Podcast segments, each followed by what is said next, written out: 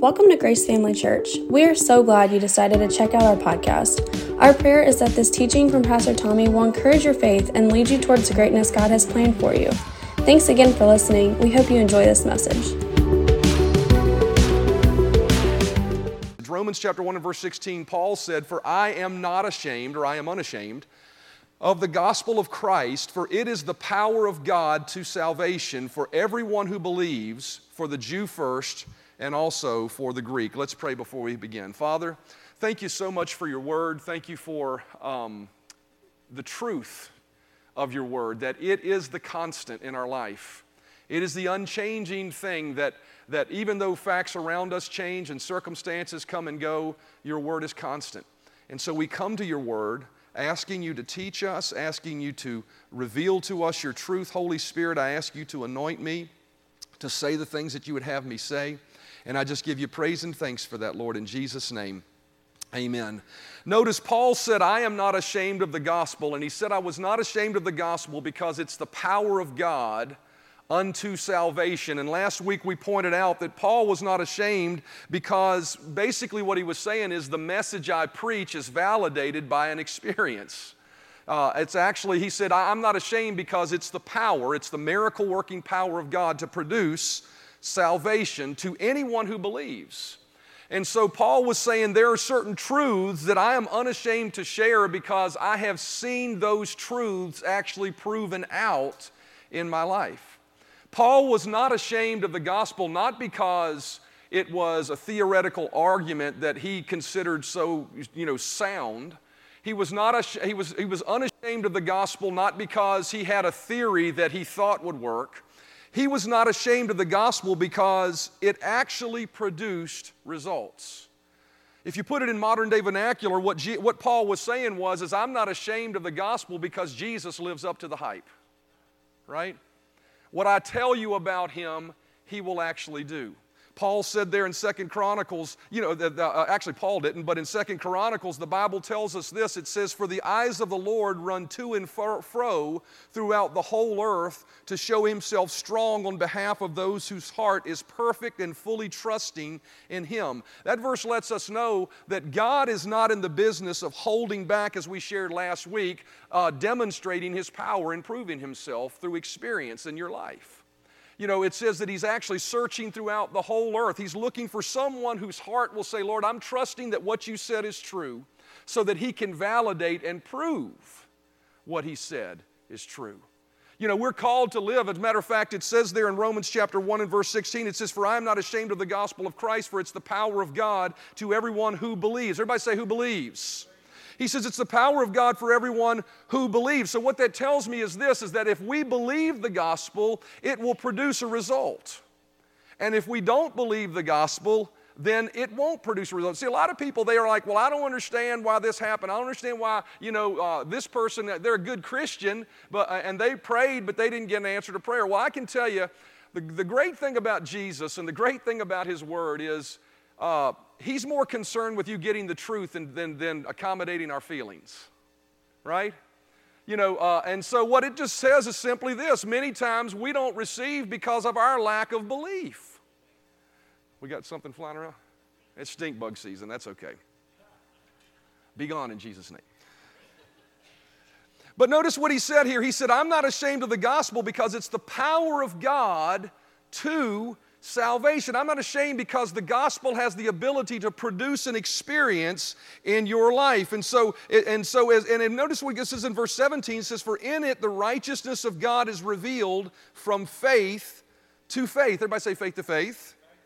As it is written, the just shall live by faith. So, what it says there is, is that I'm not ashamed of the gospel because when a person will believe it in their life, when they will take a certain truth and they'll believe it in their life and stand on that, that faith will produce something in their life and it'll build a confidence in their life so that they can actually continue to live the life of faith. And then it goes on to say in that verse, that the, it goes on to explain that to us. He says, For in it the righteousness of God is revealed. Everybody say righteous. You know, the Bible says in 2 Corinthians 5, verse 17, any man that be in Christ, he is a new creation. Old things are passed away. Behold, all things are become new. For, it goes on to say, For God hath made him to be sin for us who knew no sin, that we might be made the righteousness of God. So what that verses, what those verses tell us is that when we accepted Jesus, we became righteous, right? And what this verse on the screen says is this it says that in, the, in that salvation that we receive, the righteousness of God is received from faith to faith. So, what it's saying is there are going to be times where you don't live up to what, what righteousness is. How many of you ever fallen short and made a mistake, yelled at somebody driving? Maybe went as far as giving the old one finger salute and you shouldn't have. Right? Got mad because somebody, you know, just lost your temper with somebody, and, or, or maybe you fell short of the mark and you sinned and you did something you knew. How many of you ever done that before? Well, how many of you know the Bible still calls us righteous? Right? So, in that moment, you've got a choice to make when it comes to what you're going to believe about the promise of God. And that's what Paul is really saying. He's saying that if you'll choose to believe what the Word says instead of what you see, then what the Word says will become reality in your life because the power of God will show up to back that up as we continue to see ourselves. And that applies to anything in life. Anything that we face in life actually uh, uh, is received by faith. And so, what that says is this in an essence, it says that I am not ashamed of the gospel because it's the power of God to produce a salvation when somebody will believe it. So, it produces power, it produces evidence. Everybody say evidence. See, Paul was not interested, and we read this last week. He even said, he said, you know, when I came to you, my speech and my preaching was not with enticing words, but it was in demonstration of the Spirit and of power. He said, when I came preaching to you, I didn't just come with a message, I came with a message that was backed by an experience. And what I began to recognize as we began to talk, you know, we just finished up a series called Mission Possible where we're encouraging you to get out and share your faith with others, that, you know, it's urgent that we need to share our faith and that we need to bring people to church and we need to be reaching people because Jesus is coming soon, right? We need to be doing that, but we should be doing that not because we have to, not because we must, but because we've had an experience with Jesus that causes us to be so excited about who He is that we can't help but tell about it. And that's what Paul was really saying. He was saying, I'm not ashamed. I'm excited about telling you about Jesus. Why? Because I've experienced what he said is true.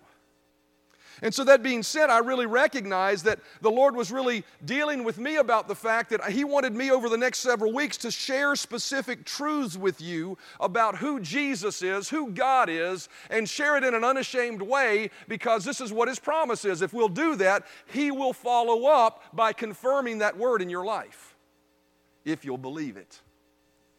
That was a good chance to say amen, right? See, because when we choose to believe the Word of God, I believe what the Lord of God said, what the, what the, what the Lord said to me was this is if you'll share truth in an unashamed manner, I will show up and I'll prove myself to them. You got real quiet on that one. You know, that takes some kahunas, right? to say that to somebody. But that's what Paul said. And I can tell you, as a pastor of this church, I'm not interested. I said this before. I'm not interested in reaching people with a great marketing plan. I'm not interested in reaching people with a great uh, social media campaign. I'm interested in people showing up because God did what He said He would do, because God proved Himself to be true and because we're, and I'm interested in a church that's so on fire for Jesus and so on fire for the world because he demonstrated something in my life. You know, we have the pleasure and privilege of having uh, Alex Lay. Give Alex a hand. Wave your hand, Alex. Say, who's Alex? Uh, Alex and me go way, way back. I, I, graduated from Rhema, came back to the church while I was at Rhema. Alex, God got a hold of Alex. He was a long haired hippie punk, rock, not punk, but uh, rock and roll kid, right? You know, um, and, he, and he came into the church and God got a hold of him. Uh, just like a couple years prior, God had gotten a hold of me. And I came back, and the thing that was a, a, a really interesting to me about Alex was Alex was young in the Lord. I was young in the Lord, right? But, but Alex was excited about Jesus. He couldn't, I mean, he was bringing people to church, talking to people. Why? Because he had to? No because he had had an experience with him. And I really felt like the Lord was telling me if, if, for us to be a church that is mimicking what the, the, the book of Acts church was, then we needed to be a church. It wasn't about a program or a building or a finished building or an unfinished building. We were simply a church that was experiencing God, following His words by healing and doing signs and wonders by the name of His holy child Jesus. Paul said, I'm not ashamed of the gospel of Christ, for it's the power of God and salvation. He says it produces results. He said, if you'll believe it, it'll produce. And so the Lord challenged me that actually that's what He wanted to do in our midst. He wanted us to walk away with an experience. So last week, I just unashamedly declared the truth that God is a good God. How many of you know God's a good God? I just declared that God is good in my life. And I talked about, you know, the fact of all the things that I've experienced in my life. And, you know, when you've experienced something with God, it ain't no argument in the world that can shake you from it. You can't tell me God ain't good all the time because I've experienced it in my life. So the next truth the Lord wanted me to share with you was this, was simply this truth. I really felt like the Lord was telling me that God is a faithful God. Everybody say faithful. And this is what he told me. When you declare that I'm a faithful God, I will confirm myself as a faithful God in the lives of those who will believe it. Maybe you're just chewing on that for a minute. Because how many of you have a promise or something you're believing for you haven't received yet? How many of you have something you're standing for and you know God's word says it's true, but you haven't seen it yet? Well, I'm telling you, this is what the Lord said to me. I'm going to, you declare my faithfulness, and I will prove my faithfulness to them when they believe it. That's simple. So, you ready? I'm going to declare the faithfulness of the Lord. Amen. 1 Corinthians chapter 1 and verse 9 says, God is faithful. You know, we could stop right there, right? In the message, I'm declaring God's faithful. God is faithful who has called you into fellowship with His Son, Jesus Christ our Lord. I want you to notice again, it says, God is faithful. Everybody say faithful. What does the word faithful mean? Faithful means steadfast in affection and allegiance, number one. Faithful also means firm in adherence to a promise or in observance of a duty. So, a person that is faithful is, is steadfast in their allegiance to you, number one. And number two, they are firm in adhering to a promise they made and fulfilling the duty that they've been discharged to, to fulfill. They're faithful. So, first of all, he's steadfast in affection and allegiance to you. Proverbs chapter 18 and verse 24 says, Friends come and friends go, but a true friend sticks with you like family. Real faithfulness is revealed in the staying power of the person in which it is revealed. Real faithfulness is proven by the ability of a person to be allegiant and aligned with you in spite of your failures, in spite of your mistakes, in spite of your shortcomings. And so one of the things we declare about God is this is there is never a day that God is not on your side and he's not fighting for you. Never a day that he's not. His allegiance to you individually is unwavering. Deuteronomy 30, I'm just going to read to you some verses about his faithfulness. Deuteronomy chapter 31 and verse 8 says, And the Lord, he it is that doeth that doth go before thee, he will be with thee, he will not fail thee, neither forsake thee. Hebrews chapter 13 and verse 5 says, For he, God, hath said, I will never leave thee nor forsake thee. Matthew 28 and verse 20, Jesus said, Lo, I am with you always, even unto the end of the world. Amen, or so be it. Romans chapter 8 and verse 38 says, For I am persuaded that neither death, nor life, nor angels, nor principalities, nor powers, nor things present, nor things to come, nor height, nor depth, nor any other created thing shall be able to separate us from the love of God which is in Christ Jesus our Lord. God is faithful. He will always be on your side as long as you want Him on your side. If your heart is wondering, have I failed Him too much? Has He given up on me? Have I made a mistake and I'm on His naughty list today? I want you to know that God is on our side. Even when we fail Him, He will not turn His back on us. 1 John 1 9 says, If we confess our sins, He is faithful. And I think it's interesting the next word. It says, He is faithful and just to forgive. See, I think sometimes we blow right, right by that word just. How many of you realize Jesus died on a cross and shed his blood and paid the price for your sins to be forgiven? For him to not forgive you, it would be unjust to Jesus for him to not do it. It would be him looking at Jesus and saying, What you did is not enough. But how many of you realize the blood of Jesus was more than enough? And so, what that verse says is, is that even when you fail him, if you'll just turn to him, he will forgive your sins. Amen. God is not a fair weathered friend. Even in our worst moments, He'll give us His best if we just return to Him and put our trust in Him for His faithfulness to forgive us. He is unfailably allegiant to you this morning. Proverbs chapter 18 and verse 24 in the Amplified says it this way it says, Some friends don't last very long. But there is a true loving friend who is reliable and sticks closer than a brother. You can have confidence in the faithful friendship of Jesus. Look at your neighbor and say, Jesus is my friend. Now, when I think about Jesus as my friend, we can think about it in the term, oh, Jesus is my friend. And that's great. But I think about the kind of friends I have the real kind of friends I have, people sitting in this room. They're the kind of people that'll go to war with you and for you. They're the kind of people that will rise up and throw down on your behalf. See, when he says he's allegiant to you, he is your friend. He's not going to turn his back on you. And when all the rest of the world does, he will stand up and fight for you. He is allegiant ever ready to take out the problem you're dealing with with His power if you just believe Him.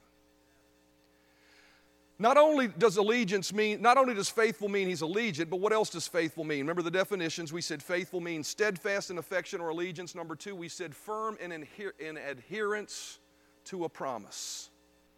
Faithful means that God is true to his word. He will honor his word if you'll believe it.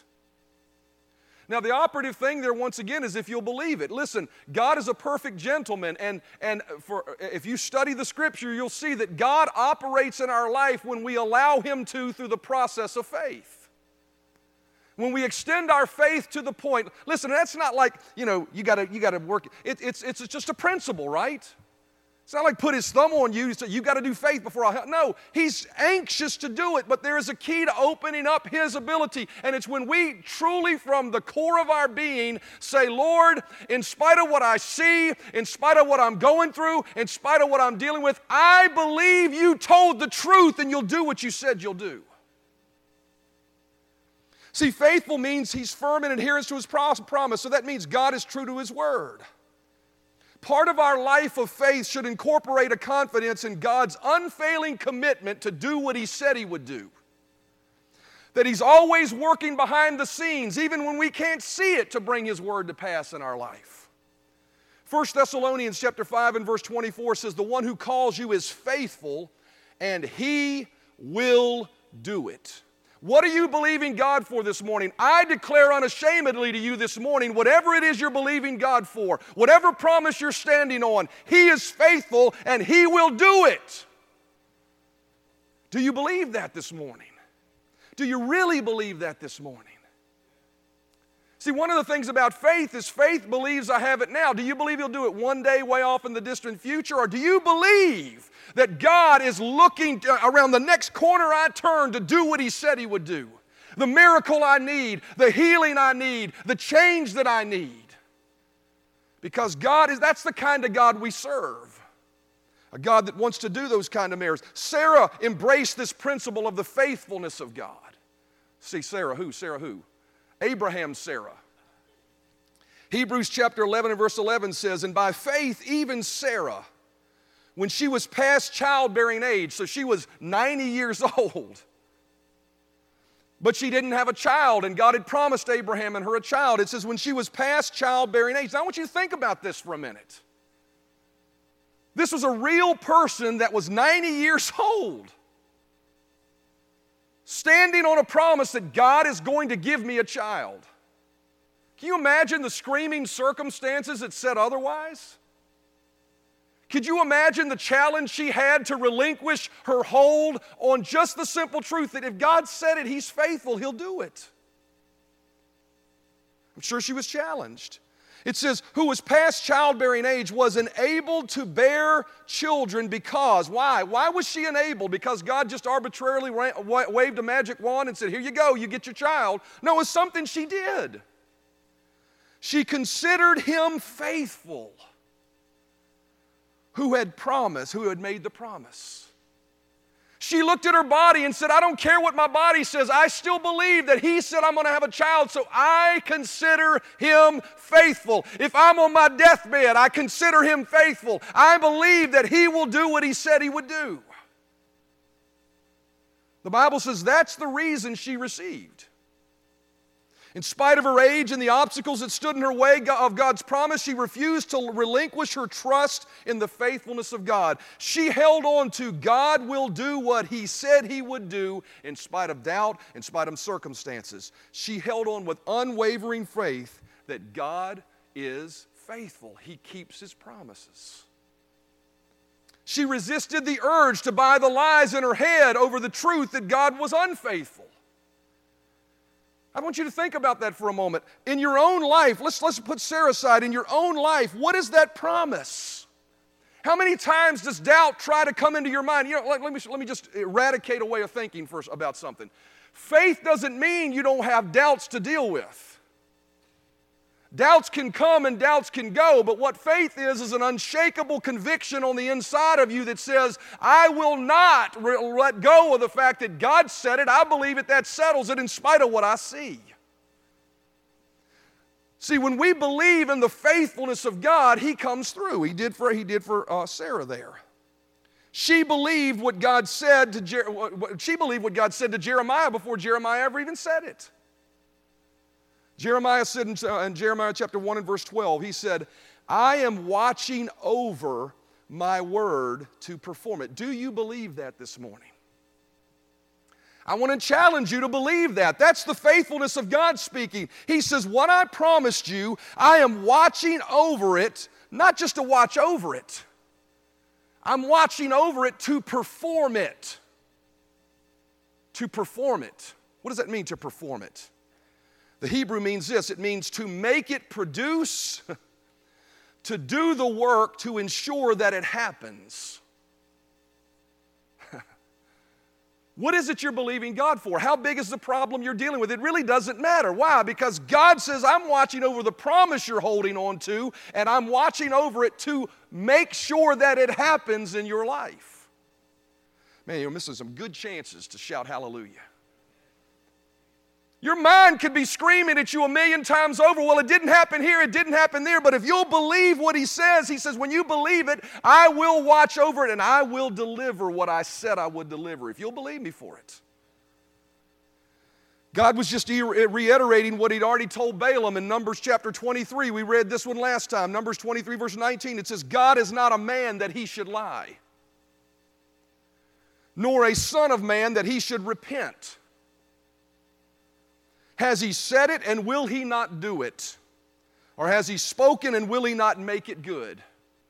When a person will believe his word and stand on his word, he will work behind the scenes no matter how long it takes, and he will do what he said he would do. He doesn't go back on his word. If he promises it, he'll not withdraw that promise from you. And not only will he not withdraw it, he says, I don't change my mind, but he says, I'll do it. Look at your neighbor and said, God will do it. That word make it good, I, I looked this up. I, I, you know, it's funny when you're studying sometimes and you feel challenged in your heart to look something up. I would encourage you, download the Blue Bible app. So, what's the Blue Bible app? The Blue Bible app gives you the ability to just look up any verse and see all of it in the Greek and Hebrew and study it out. So, I've been meaning to tell you that. Blue Bible app. Blue Bible. Blue Bible. But anyway, that word make it good means this. I want you to, I want you to listen to this closely.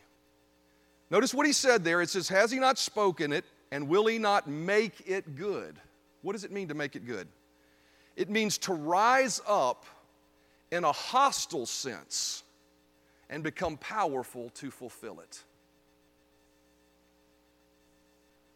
to rise up in a. You ever heard somebody say, you know, that person got a little bowed up over that? What this verse is saying is this is if you'll believe God's word, he will bow up on your behalf. Now I don't know about you, but the picture of an almighty God bowing up on my behalf, we better get a better picture of that because if we had a really good picture of that, we'd never doubt what God says. The God of the universe rising up in full fury and might and saying, I'm going to do what I said I would do because that person's believing it ain't all the forces of hell ain't going to stop it. When God bows up, I got to tell you something, there's nothing that can stand against it. You want to get God to bow up? Just believe that He's faithful. What is it that you've almost given up on? What is it that you maybe have relinquished your hold on? Grab it again and say, No, Lord, this is what you promised me, and I will not relinquish what you promised me. I want you to see, I want to show you a picture of the faithful and true one that will actually bow up on your behalf this morning if you'll just believe him. Revelation chapter 19 and verse 11. We have a picture of the risen Christ. And it says, Now I saw heaven opened, and behold, a white horse. And he who sat on him was called faithful and true. We're talking about Jesus, right? And in righteousness he judges and makes war. This is the Jesus that lives in our heart. This is by the power of the Holy Spirit. This is the Jesus that is the risen Christ. See, I think far too often we see the Jesus of the mini series, The Chosen. How many of you ever watched The Chosen? And that's a true picture of who he was. And it's a true picture of his character and what he's like because he'll never change. But I can tell you something the Jesus that walked the earth is not the Jesus that we have in heaven today. He's got scars in his hands and feet now. He's got a pierced side. He's got the, all the proof that, that he actually rose from the, the dead and conquered death, hell, and the grave. And we see here, this is the picture of the Jesus we worship. It says, And he who sat on him was called faithful and true. In righteousness he judges and makes war. Now, this is speaking of the end of the age. When the end of the age comes, this is what this says about him. It says, His eyes were like a flame of fire, and on his head were many crowns, and he had a name written that no one knew except himself. He was clothed with a robe dipped in blood, and his name called the Word of God. And the armies in heaven, clothed in fine linen, white and clean, followed him on white horses. Now, out of his mouth goes a sharp sword, that with it he should strike the nations, and he himself will rule them with a rod of iron. He himself treads the winepress in the fierceness and wrath of Almighty God. And he has on his robe and on his thigh a name written King of Kings and Lord of Lords. This is the Jesus that bows up on your behalf. See, this picture of the faithful and true one that comes to bring about the end of the age, I want you to understand something that when God shows us the end of the age, He doesn't just show us it so we can say, you know, if you read Revelation, He doesn't just show us the book of Revelation so that we can say, oh, that's what's going to happen in the future.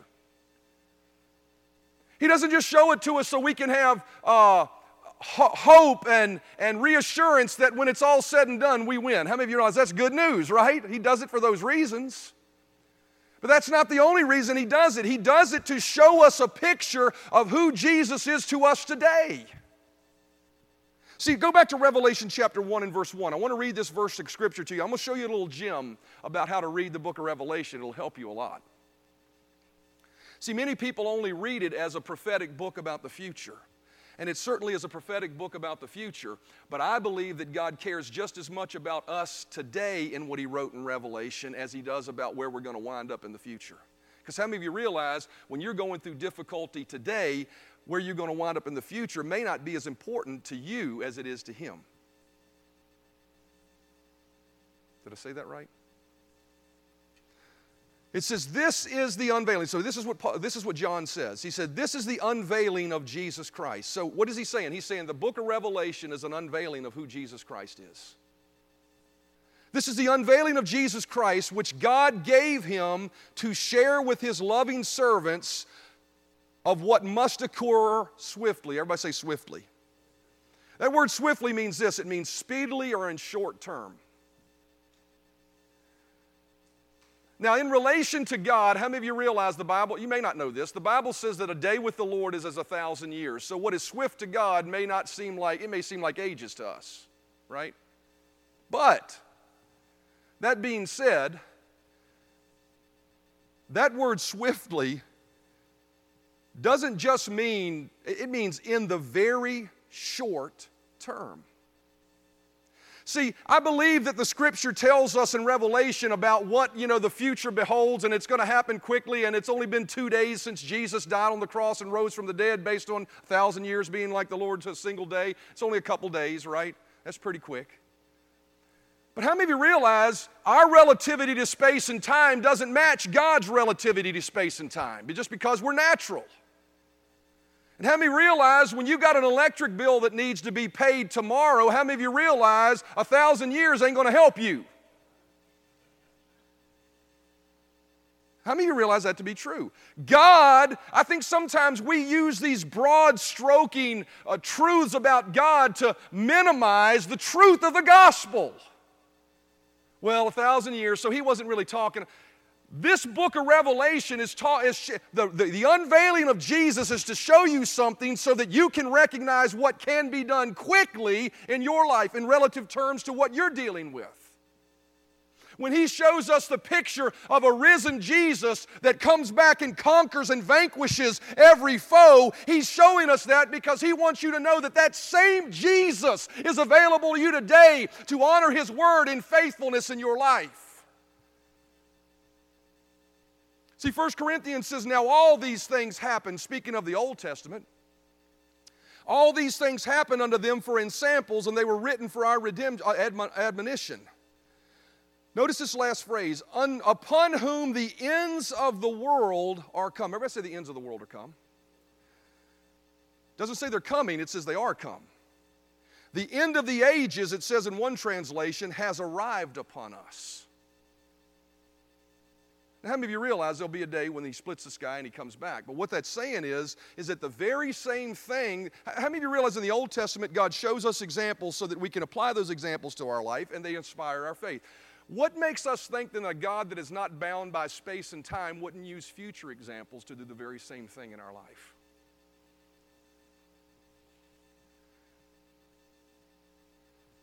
Yes, Revelation is a book to show us the end of the age and to foretell and to bring comfort about the future, but it's un- also an unveiling of who Jesus is. To the seven churches in the book of Revelation, I encourage you to go back and recognize that that Jesus that appeared to them is that Jesus that is operative in your life today. You see, He is the faithful and true, whose name is the very Word of God upon whose robe and upon whose thigh is tattooed with the name King of Kings and Lord of Lords, whose eyes are like a flame of fire, and on his head are many crowns, whose vesture is dipped in the blood of his victory, carrying with him the wrath of God against all your enemies. Who is descending into your situation with an iron scepter, followed by the angel armies of heaven with a sharp two edged sword striking down the resistors and detractors of God's promise in your life. This is the one who makes war on your behalf and conquers death, that conquered death, hell, and the grave. And this is the faithful one backing us up on every promise that we will stand upon to say, Lord, I believe you're faithful. This warrior Jesus will rise up for you this morning if you will believe and he will honor his word in your I am unashamed of the faithfulness of God, for that is the one in whom I've placed my trust.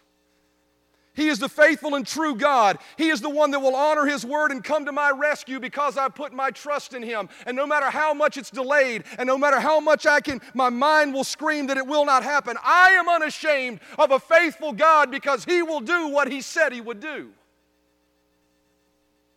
As the musicians come, Second Thessalonians chapter 3 and verse 3 says this, "But the Lord is faithful, and he will strengthen you and protect you from the evil one. He can be relied upon."